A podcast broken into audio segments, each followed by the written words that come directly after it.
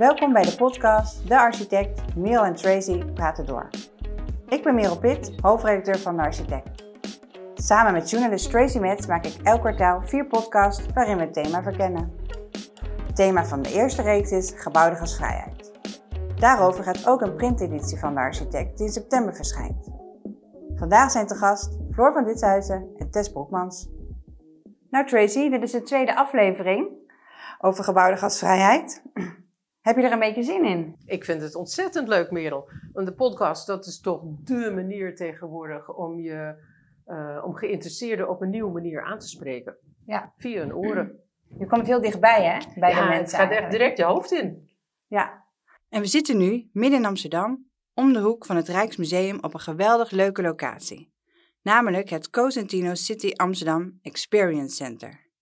Want voor deze podcast zijn we uitgenodigd door Cosentino. Zij zijn bekend van hun steenmerken Dekton en Saalstone. Hier kunnen architecten en designliefhebbers kleuren, materialen en toepassingen voor uiteenlopende projecten bekijken en vergelijken. Ik vind het echt super tof dat we hier onze gasten mogen ontvangen en deze podcast kunnen opnemen. En wanneer we het hebben over gebouwde gasvrijheid, dan gaat het eigenlijk over de vraag: hoe maken we ruimten waar iedereen zich thuis voelt? En in de stedenbouw kom je al snel op de vraag op het onderwerp van de publieke ruimte. Dan wil ik graag onze gasten voor vandaag introduceren. Dat is architect en ontwerpend onderzoeker Floor van Ditshuizen. Met haar praten we door over hostile architecture, vijandige architectuur in Rotterdam. Is het zo erg in Rotterdam nu? Nou, uh, gaan we vragen. En daarna praten we met Tess Broekmans, stedenbouwkundige en partner bij Oerhaan, over de binnensteden van middelgrote steden en meer specifiek over Assen.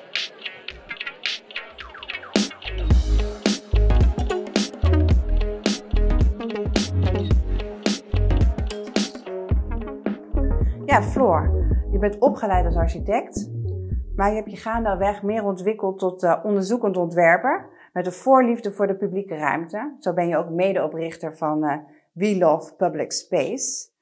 Um, maar onlangs, ongeveer een jaar geleden, heb je public de Public Space Detective opgericht. En dat is een onderzoek naar verschijnselen in de openbare ruimte na COVID in Rotterdam. Wat zijn eigenlijk je eerste bevindingen? Ja. Um, nou, één aanvulling erop. Het gaat niet alleen, het gaat niet per se over uh, post-COVID, uh, publieke ruimte. Het gaat gewoon over verschijnselen. Uh, in het Engels is het heel mooi, daar moet ik het even zeggen. Common and uncommon phenomena in public space. Ja, er is geen mooie Nederlandse vertaling voor, vandaar. Dus het, ja, wat we soms voor granted aannemen in publieke ruimte, dat blijkt toch niet zo vanzelfsprekend te zijn. En um, uh, het is wel zo dat door de coronacrisis, uh, ja, die verschijnselen of wat er gebeurde in de publieke ruimte, ja, heel opvallend was. Hè? Dat, dat was uh, eigenlijk de meest opvallende gewaarwording. En wat gebeurde er dan? Ja. Nou, iedere dag voelde als een zondag bijvoorbeeld. hè? Dus de achtergrondruis van de, van de stad, die was er eigenlijk niet. Um, je zag uh, mensen uh, in het begin, uh, ja, was eigenlijk, was Rotterdam hoofdzakelijk uitgestorven. Men deed het loopje naar de winkel, naar de noodzakelijke winkel en weer terug. Maar gaandeweg zag je natuurlijk wel mensen toch meer vrijheid nemen en bijvoorbeeld op hun dagelijkse sanity walk gaan even daaruit. Sanity walk. A sanity walk, ja. Je geestelijke gezondheidswandeling. Precies, ja. Om, uh, om, de, om de lockdown claustrofobia uh, ja, uh, te, te bezweren, zeg maar. En dat deed ik zelf ook. En, um, en als je het dan hebt over, was daar ruimte voor? Was daar gas, want we hebben het natuurlijk vandaag over gasvrijheid. En ja hoe loop je daar dan uh, rond? Hoe kijk je dan naar de stad in zo'n... Uh... Um, nou, ik ging uh, de gebouwde gasvrijheid. wat, wat een van mijn eerste conclusies was, was dat parken zo'n belangrijke plek eigenlijk in de stad innemen. Ja. Dat is niet per se. Nou, is ook gebouwd, hè, is ook ontworpen, er is over nagedacht, zeg maar. Dus het is, dat vind ik ook gebouwd. En ja, je zag hoe belangrijk die parken eigenlijk waren voor nou, inderdaad om even de benen te steken en een frisse neus te halen. Maar ook om, ja, om toch ook mensen te ontmoeten. Uh, bekende of onbekende vreemden. Even, even ja, in de ogen te kijken of misschien een kort praatje te maken. Dus Tegen je eenzaamheid. Opzicht, ja. ja. In sociaal opzicht was dat heel belangrijk. En ik woon dan in West en daar heb je het Roelangerpark. Park. En dat is uh, ook een beetje een notoire plek, want daar de gemeente verhuurt dat voor festivals. Dus je ziet, maar je ziet ook hoe belangrijk zo'n park voor de lokale bewoners is. En dat kwam echt aan de oppervlakte. Ja, precies. Um, maar je hebt natuurlijk andere plekken. Je hebt parken in de stad, maar het gaat ook natuurlijk over. Um, ja, er zijn ook heel veel pleinen in Rotterdam. Mm -hmm. En uh, bijvoorbeeld, ik, ik ken Rotterdam behoorlijk goed. Ik heb daar gewerkt en ik vond altijd de route vanaf Rotterdam Centraal naar mijn werk, uh, in, de, in de Calypso was dat, bij Krijvanger Architect, vond ik fantastisch. Ik dacht echt, zo wil je de stad binnenkomen. Dit is een entree. Ja. En dat was natuurlijk ook, uh, wat vind jij daarvan? Um, nou, ik vind, uh, ik, vind, ik vind de entree ook heel geslaagd. Het is een prachtige handreiking. Hè. De hal, het gebouw is een prachtige handreiking naar de stad en vice versa. En ja, als je Rotterdam uh, twintig jaar geleden binnenkwam, ja, niemand wilde daar naartoe terug. Dat was natuurlijk een, een was dat. Hè? Uh, perron 0, uh, aan, de, aan de rechterkant van het station, de Pauluskerk op de Westersingel, dat was, dat was echt gewoon, dat, dat kon niet zo langer. Ik herinner me die onderdoorgang in het station ook. Een heel klein, laag, donker tunnel, omringd door junks. Nou, daar moest je echt snel wegkomen. Ja. De duiven van de maatschappij, hè? de junks. Oh.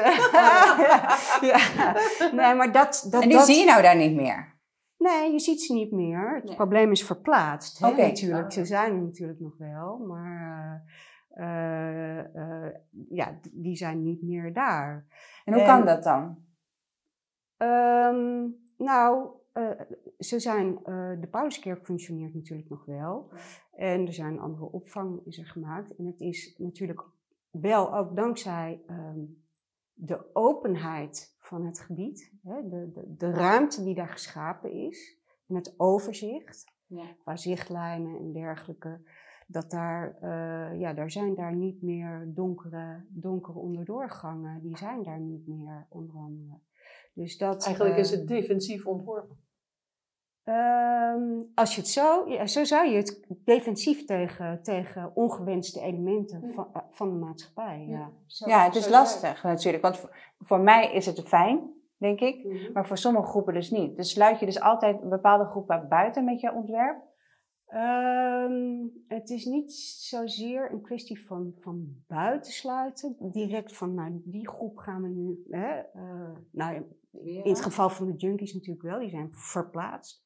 Maar um, ze zijn trouwens verplaatst naar de Schavendijkwal, de methadonverstrekking. Mm. um, um, het is uh, meer een, een, kwestie, als we het hebben over uh, gebouwde of ontworpen uh, omgeving of publieke ruimte, van het, het weren van ongewenst gedrag, denk ik dat dat de betere formulering is. Ja, precies. Het is niet zozeer gericht tegen groepen, maar het is het ja, het is het uitsluiten of weren van ongewenst gedrag. En wat dat ongewenste gedrag is, ja, dat, daar kan je over discussiëren natuurlijk. Maar je, uh, Rotterdam Werk heeft ook een handboek nu gemaakt van hoe ze stap voor stap werken aan die gastvrije stad. -hmm. En uh, zo'n ontwikkeling bij het station, noem je dat dan een ontwikkeling in de gastvrijheid? Of hoe, hoe, bekijk je dat door jouw ogen? Uh, ja, nee, dat, uh, dat is de Rotterdam City Lounge, binnenstad City Lounge strategie. Daar zijn ze al vrij lang mee bezig, al sinds 2014. Ja, um, um, ja en het, het woord City Lounge zegt natuurlijk al wel iets over um, wat voor gedrag er gewenst is, dus in de binnenstad. Hè? En dat is dus gericht op leisure, op uh, chillen. Ja, op chillen, op lounge. cocktails. Op cocktails, op het aantrekken van, van koopkrachtig publiek, ja. op shoppen. Mensen die wat bes kunnen besteden. Ja, uh, dus ja, de publieke ruimte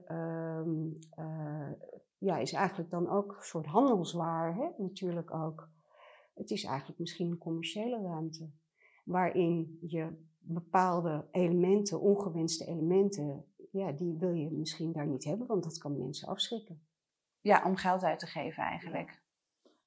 En dat is de kanttekening Ja. die, ja, die ik daarbij plaats wel. Zeg maar dat dat.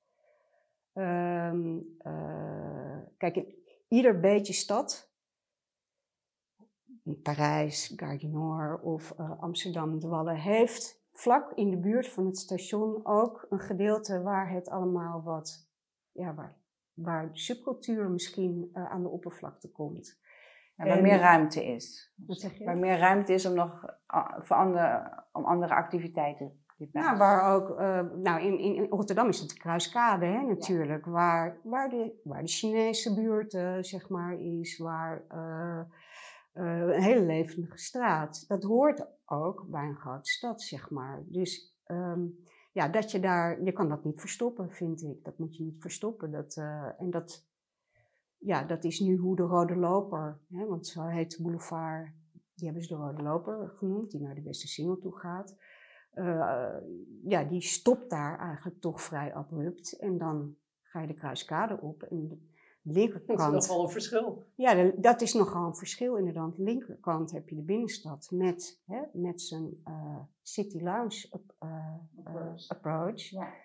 En aan de rechterkant heb je de Kruiskade, waar je in een totaal andere wereld belandt. Dus je zegt het is ook gescheiden in beleid. Eh, nou, ik heb daar wel eens eh, naar gevraagd of geprobeerd eh, uit te vinden hoe ze zeg maar nu verder ehm, ja, de binnenstad, hè, want de binnenstad, je hebt de, kern, hè, de, de stadsdriehoek, maar de Kruiskade en eh, daar, de buurten daaromheen, het Westen, zou je ook als binnenstad kunnen betitelen. Hoe ze daar nu, zeg maar, welke aanpak ze eigenlijk daarvoor in hun hoofd hebben. Want dat die anders moet zijn, vind, dat vind ik, dat die anders moet zijn. Dat die niet gericht kan zijn op alleen maar co- consumeren, op leisure, op loungen. Maar dat die gericht moet zijn ook op het eh, behouden van ja, toch een soort levendige, unieke kwaliteit die eh, de Kruiskade heeft. En hoe Ja. breng je dat als eh, public space detective eh, onder de aandacht van de beleidsmaker? Ehm, nou, ik ben er pas een jaar geleden mee begonnen. Dus eh, wat niet is, kan nog komen. Ehm, ik blog. Op, eh, het is begonnen als een blog op Instagram. Dus het is een, een visueel... eh, het is een beeld. Visueel essay. Ja, het is een visueel essay. me- een beeld met een... Met een, ja, met een eigenlijk een soort columnachtige tekst. Wat me daarin opvalt. Welk, welk patroon eh, onderstroom, welke strategie we, zien we hier? Of is, is dit het resultaat? Kun je een voorbeeld noemen van wat je dan fotografeert? Ehm, ik heb, ehm, die was heel leuk. De laatste was over hoe de, de citydressing voor het Songfestival was eh, gedaan door eh, Studio Volla Zwart. Want dat hebben ze dus gedaan door eigenlijk de, de infrastructuur juist aan te kleden. En infrastructuur ja, is een soort noodzakelijk kwaad. Hè? De verhoogde metro naar Zuid is een soort noodzakelijk kwaad. En ja, reduceert de ruimtes daaronder eigenlijk tot non-places. Maar door hun ingreep is het opeens een verbindend element geworden- tussen Rotterdam-Noord en Rotterdam-Zuid. Iets wat we al heel lang willen. Ja, en het markeerde dus de route eh, eh, naar, Op een naar positieve Oude manier. op een positieve manier. Ja. En dat, eh, dat was de laatste, zeg maar. Maar je stelt ook dat, dit is een hele zichtbare manier hè, van hoe dat wordt gedaan. Maar je zegt er zijn ook onzichtbare manieren waarbij we werken aan de publieke ruimte. Kun je daar ook wat Ja. van noemen? Nou, dan wil ik toch even terug naar Rotterdam Centraal. Want ehm, ja, het, is, het, is, eh, het, is een, het, het werkt heel goed als entree. Ehm, maar ik vind het plein wel heel leeg. Ik, eh, ja, het is wel dat je denkt, eh, het is echt een transitruimte. En eh, als je je verdiept in zeg maar, de nou, stationsbouw en de omgeving van stations, de NS hanteert vijf domeinen volgens mij. En dus het stationsplein, het station en de directe omgeving is het omgevingsdomein. En ehm, ehm, nou ja, het, het plein, stationsplein is eigenlijk totaal leeggelaten. Ja. Er is geen enkele manier om te verblijven. Uh, Zijn geen bankjes? Hè? Ja, de randen van de, van de groenvoorziening, daar kan je op zitten. Uh, maar als je, die, uh, als je zo'n documentje van de NS er even bij uh, pakt, en de, waarin ze iets zeggen over het omgevingsdomein. Dat woord alleen al. Ja. Omgevingsdomein. dat, dat, dat belooft al weinig goed. Nou, ze zeggen dus over het omgevingsdomein dat het ook juist de bedoeling is dat je daar iets onverwachts kan meemaken. Zoals een straatmuzikant of een politieke demonstratie. En dat zie ik niet gebeuren op uh, het stationsplein. En wel op de Koolsingel voor het stadhuis? Um, nou, dat moeten we zien. Of het ja. uh, weer terug gaat komen, die levendigheid. Maar dat is wel natuurlijk het uitgangspunt. Uh. Maar wat vind je daarvan? Wat... Um, ik heb daar nog niet zoveel bankjes ook gezien om te verblijven. Het zijn voornamelijk randen. Hè? Je ziet randen van de groenvoorzieningen. ik hoor van verschillende kanten, ja, de Koolsingel zou veel groener worden. Maar waar is dat groen? Maar goed, dat gaat nog niet over defensive urbanism. Um, um, een belangrijk punt nog om nog heel even terug te komen op uh, een onzichtbaar manier om uh, zeg maar ongewenst gedrag uh, uit te sluiten, is ja, de voorzieningen gewoon niet maken. Ja. En er is een woord voor, ghost amenities. er staat ghost amenities. Ja, ghost amenities. En dus als voorzieningen er niet, er niet zijn, ja, dan kan dan kunnen ze ook niet zeg maar, op een andere manier dan gewenst gebruikt worden. Hè. Een beroemd voorbeeld zijn bankjes met dividers, hè, om te voorkomen dat, dat je gaat uh, liggen. Dat je gaat liggen. Of die uh, plantenbakken met, uh, met scherpe punten erop. Ja, pixiers, inderdaad. Tegen skaters is dat. Um, um, wat ik nu wel vind, en, is dat um, en dat zie je ook bij het Museum Park, is, ja, ik noem dat public space paranoia. Uh, ze uh, hebben bij het Museum Park hebben ze al op de randen al pix aangebracht, omdat ze kennelijk bang zijn dat er geskate gaat worden en daarmee de rand beschadigd gaat worden. Dus het, ja, het is een, vorm van paranoia eigenlijk. Oeh, als het maar niet, uh, oh ja, als het maar niet op de verkeerde manier gebruikt gaat worden, de voorziening. Ja. Je wil heel erg controle, eh, spreekt er voor mij uit. Ja, terwijl de stad natuurlijk ook gaat, en de publieke ruimte helemaal, denk ik, over ook uh, onverwacht eh, gedrag, onverwacht, onverwachte dingen die kunnen gebeuren. En leefbaarheid eigenlijk, toch ook? Ja, maar ook uh, ja, serendipiteit. Dat je uh, mensen tegenkomt waarvan je dacht, hé, hey, ja, maar die, die, die, wat doet hij hier? Of dat er, dingen, dat er dingen gebeuren, of dat je dingen tegenkomt die je, ja... Onverwachte ontmoetingen. Onverwachte ontmoetingen of on, onverwachte gebeurtenissen. En dat... Uh, dus eigenlijk weer, als je dat nou zo vertelt, ga ik er heel anders naar kijken. En dan denk ik, Rotterdam maakt dus eigenlijk van alle nieuwe publieke ruimtes transit spaces. Want de Koolsingel voelt men voor mij ook wel zo. Dat is een plek waar je doorheen gaat en niet blijft. Ja, um, ik, ik denk, het is nog niet helemaal af. Hè? Ik denk ook dat, dat de Koolsingel, uh, dat is ook, uh, nou dat is sowieso, dat kennen we van architectuur en van stedenbouw helemaal. Er gaat tijd overheen voordat uh, er ook eigenaarschap ontstaat. En um, dat, ja, daar gaat tijd overheen. Dus ik, ik vind het moeilijk om te zeggen om de Koolsingel als een transitruimte te betitelen. Ze hebben natuurlijk heel erg hun best gedaan om dat juist, om in ieder geval de auto terug te dringen en meer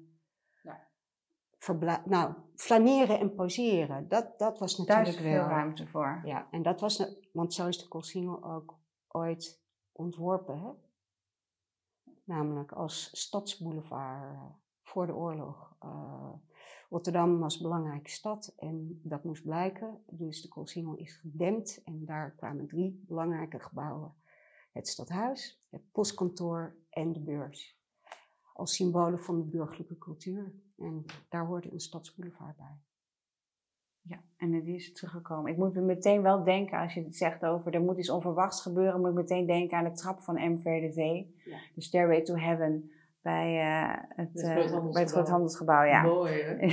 Ik denk, misschien moet er zoiets gebeuren of zo, dat het wordt opengebroken. Ja, maar dat, nou, dat, dat kan dus wel. Dus Ja. dat is weer goed, hè. Dat, dat, dat kan daar. Dat is weer heel erg goed. Dus eh, ehm, eh, ik, ik wil het niet, ik wil het plein niet afbranden. Dat zeker niet. Maar ik wil er wel kanttekeningen bij maken. Dat wel. Nou, dat is zeker gelukt eh, in dit mooie gesprek. Dankjewel.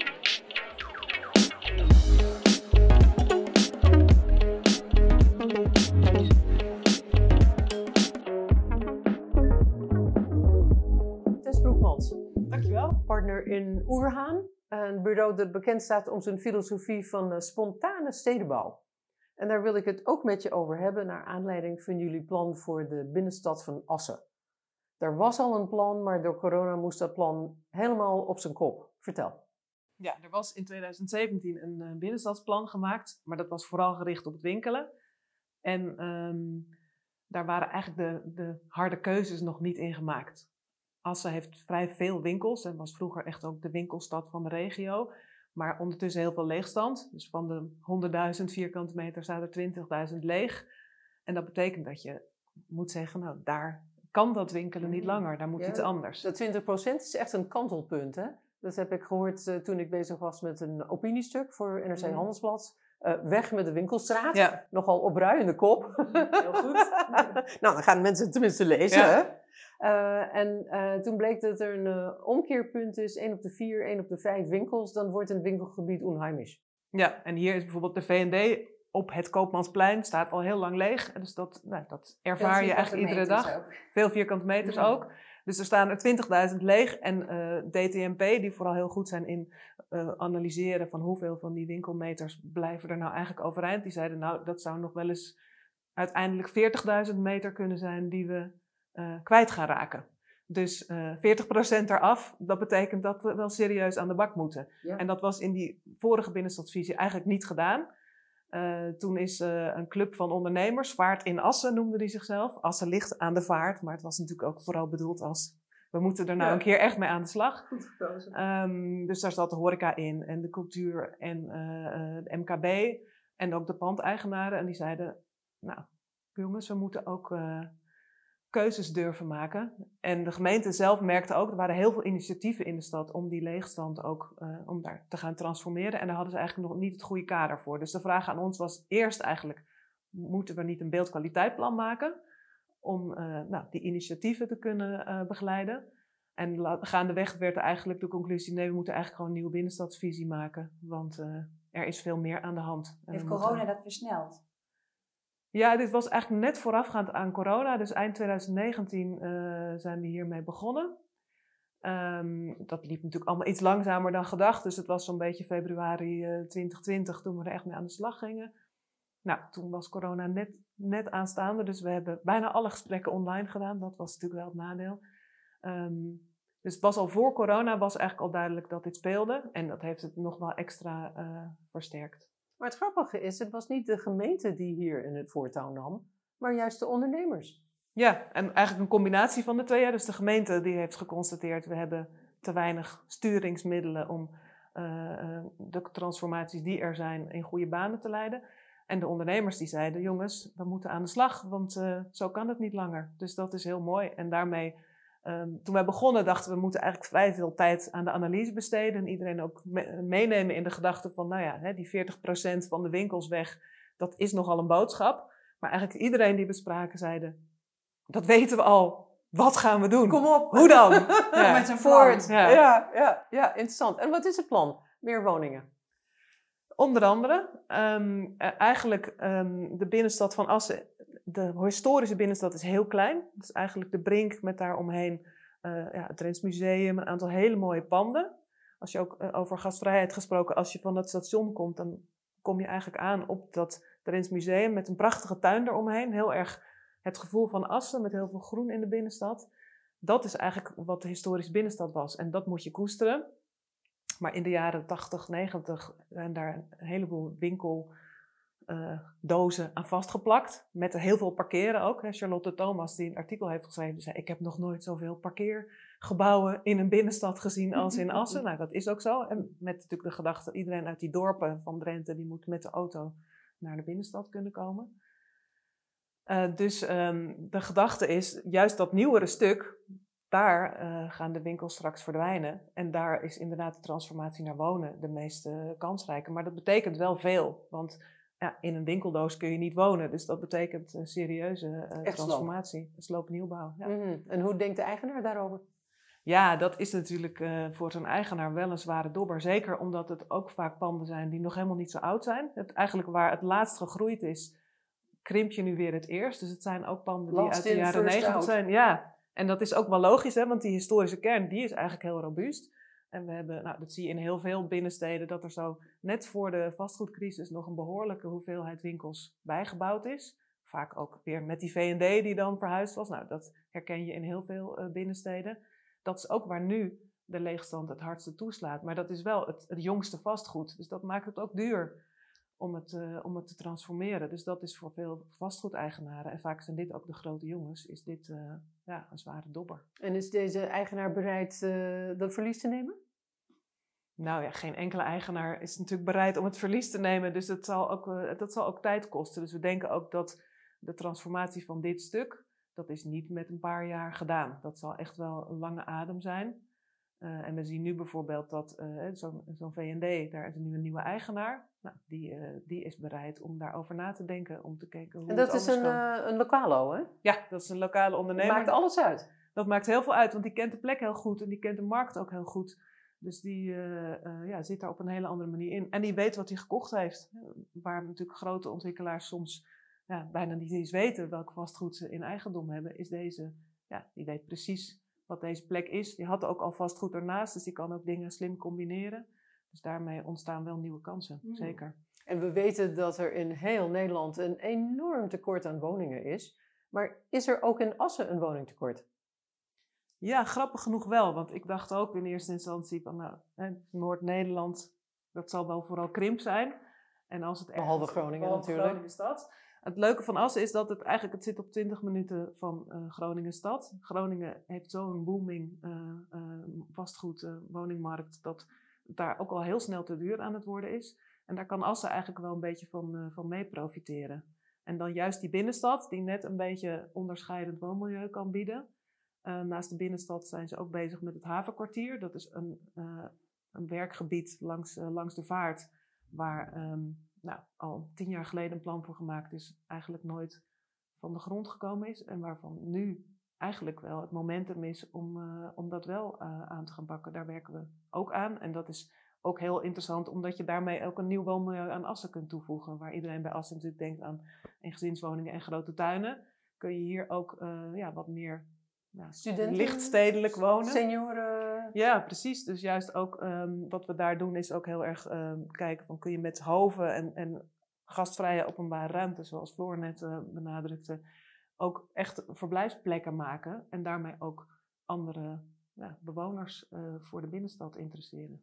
En is het plan ook um, dat je voortschrijdend inzicht kan gebruiken? Want het, het, is natuurlijk 2030 las ik, moet het plan ongeveer afgerond zijn. Hoe gaat dat dan? Ja, zeker. Kijk, dit is typisch iets wat je met de verschillende eigenaren en ondernemers samen moet gaan ontwikkelen. Dus het is geen blauwdruk. En in die zin past het ook goed bij ons spontane stad verhaal. Dat je heel maar het is wel een masterplan. Ja, nee, het is geen masterplan. Het is een binnenstadsvisie. Oh, dus ah. het is eigenlijk meer een... Uh, uh, waar, waar willen we naartoe? Hè? Dus er is heel duidelijk gezegd, als we het hebben over wat we als, als kern van het winkelen en kern van de binnenstad beschouwen, dan is dat die historische stad. Maar hoe die transformatie van dat gebied uh, gaat verlopen, dat is uiteindelijk heel erg afhankelijk van wanneer welke uh, ondernemer en uh, eigenaar aan de slag gaat. Maar dat lijkt me dus best wel lastig als, als, lastig als stedenbouwkundige. Want je wordt veel gevraagd voor visies, nieuwe perspectieven. Allemaal voor de lange termijn. Maar je zegt ook in een interview in de Blauwe Kamer laatst... stedenbouw is een vak waar, uh, van de praktijk. Maar hoe, hoe, rijm je dat dan samen? Die, die visies en die praktijk, hoe je daaraan gaat werken? Ja, wat hier leuk is, is dat we nu ook betrokken zijn met de eerste uh, transformatieplannen rondom dat Koopmansplein. Dus enerzijds schetsen we het vergezicht, anderzijds is het ook gewoon met de poten in de klei, met die ontwikkelaar proberen om, om er een goede draai aan te geven. En, en daar willen we bijvoorbeeld een nieuw, nieuw straatje toevoegen. Het is, door, met die dozen, winkeldozen, is het allemaal heel grofmazig geworden. Dus we willen iets meer dat binnenstadspatroon terugbrengen. Nou, dat is natuurlijk spannend, want het is zijn grond en dan wordt zijn ontwikkelplot wordt kleiner. Uh, lukt het dan om zo'n straatje toe te voegen? Nou, dat zijn dan dingen waarvan we denken, nou, daar willen we keihard aan vasthouden. Want dat is echt voor de lange termijn en voor de structuur van de stad en de kwaliteit van de openbare ruimte. Maar verder kunnen we met elkaar natuurlijk over wat je nou precies op die plot gaat doen, kunnen we het gewoon het gesprek aan. Dus daar zit ik dan helemaal niet zo star in. Dat, uh, dat moeten we echt met elkaar gaan ontdekken. Is dat niet de rol van de gemeente eigenlijk? Zeker, en dat is ook, de gemeente is hier natuurlijk ook uh, in de lead. Hè. Wij werken in opdracht van de gemeente. De gemeente heeft ook een goede uh, stedenbouwkundige. Dus wij vervullen nu die rol um, nou, als een soort vervolg op die binnenstadsvisie. Maar eigenlijk is het natuurlijk het mooiste als de gemeente dat ook zelf gaat doen. Dus uh, dat zal ook zeker uh, in de loop van de tijd gaan gebeuren. Mijn, ik, wil niet voor eeuwig uh, daar. Als een. in, nee, maar ik bedoel, dat is, is ook niet mijn rol. Want ik denk dat het juist goed is als dat lokaal wordt opgepakt. Dus nou ja, wij zijn passanten daarin. En ik, ik, denk dat ze het ook heel goed zelf op kunnen pakken. Is Assen exemplarisch voor veel steden in Nederland die met een vergelijkbare opgave zitten? Ja, wat je ziet is dat uh, de echt grote steden doen het natuurlijk nog vrij goed. Alhoewel dat nu naar corona ook moet blijken, hè, wat uh, de Kalverstraat gaat, uh, gaat zijn. Um, de kleine winkelcentra doen het goed. Met name als je gewoon hè, de supermarkt, dagelijkse boodschappen, dat gaat goed. En de grote verliezers in dit zijn eigenlijk de, midden, de middelgrote steden. Zeker steden die dicht bij een grote stad zitten, zoals Assen, bij Groningen. Maar wij zijn bijvoorbeeld ook bezig in Vlaardingen. Die hebben hetzelfde probleem. Hè? Je hebt tien minuten in de metro en je zit in Rotterdam. En dan moet je eigenlijk je binnenstad opnieuw gaan uitvinden. En eigenlijk ook vooral voor je, voor je eigen bewoners. Voor de mensen die er te voet of met de fiets naartoe kunnen. Die er willen wonen. Die er op het terrasje willen zitten. En niet meer voor de regio met grote parkeervoorzieningen en, en grote winkelcentra. Dat hebben ze wel met uh, Assen, met het uh, museum ook willen doen, hè? echt landelijk bereik. Ja, en voor het museum is het dan weer net anders. Want dit is bij uitstek waar je dan met je de senioren met een vrij reizendag gaan lekker naar Assen en die gaan naar dat museum. Dus, dus dat regionale bereik is er voor het museum wel, maar voor de winkels uh, veel minder. Dus dat kan ook nog gewoon per functie verschillen. Dus wat je graag wil, is dat wel die uh, bezoeker komt. En dat als je gaat fietsen in Drenthe, dat je ook even de binnenstad van Assen aandoet. Maar dan kom je niet voor de H&M, want daar is eigenlijk niks bijzonders te halen. Ja. Maar je komt wel voor die, voor die gouverneurstuin en voor dat museum en voor dat terras op de kop van de vaart. Dus dat zijn de dingen die je moet uh, koesteren. Dus het kan blijken dat uh, de versnelling van deze ontwikkeling door corona uiteindelijk een enorme pre is voor de middelgrote steden van Nederland.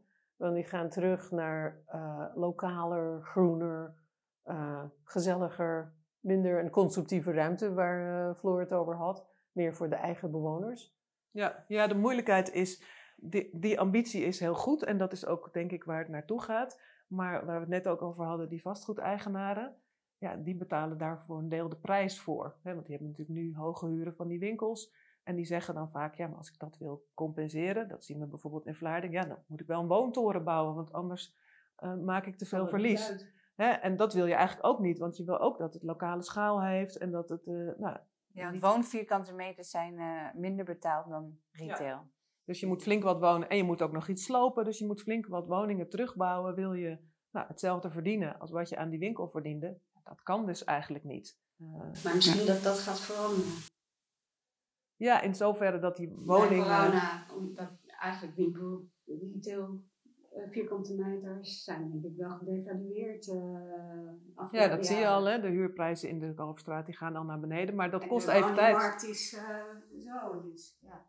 Ja, maar je merkt wel dat voor zo'n vastgoedeigenaar, die is daar nog niet aan gewend. Dus dat, dat er gaat even tijd overheen voordat je je verlies neemt en constateert van oké, okay, het moet echt anders.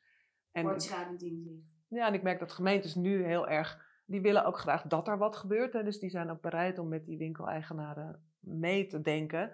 En dan gaat het soms te veel uh, de hoogte in. Dus je moet als gemeente, en dat is in Assen zeker zo.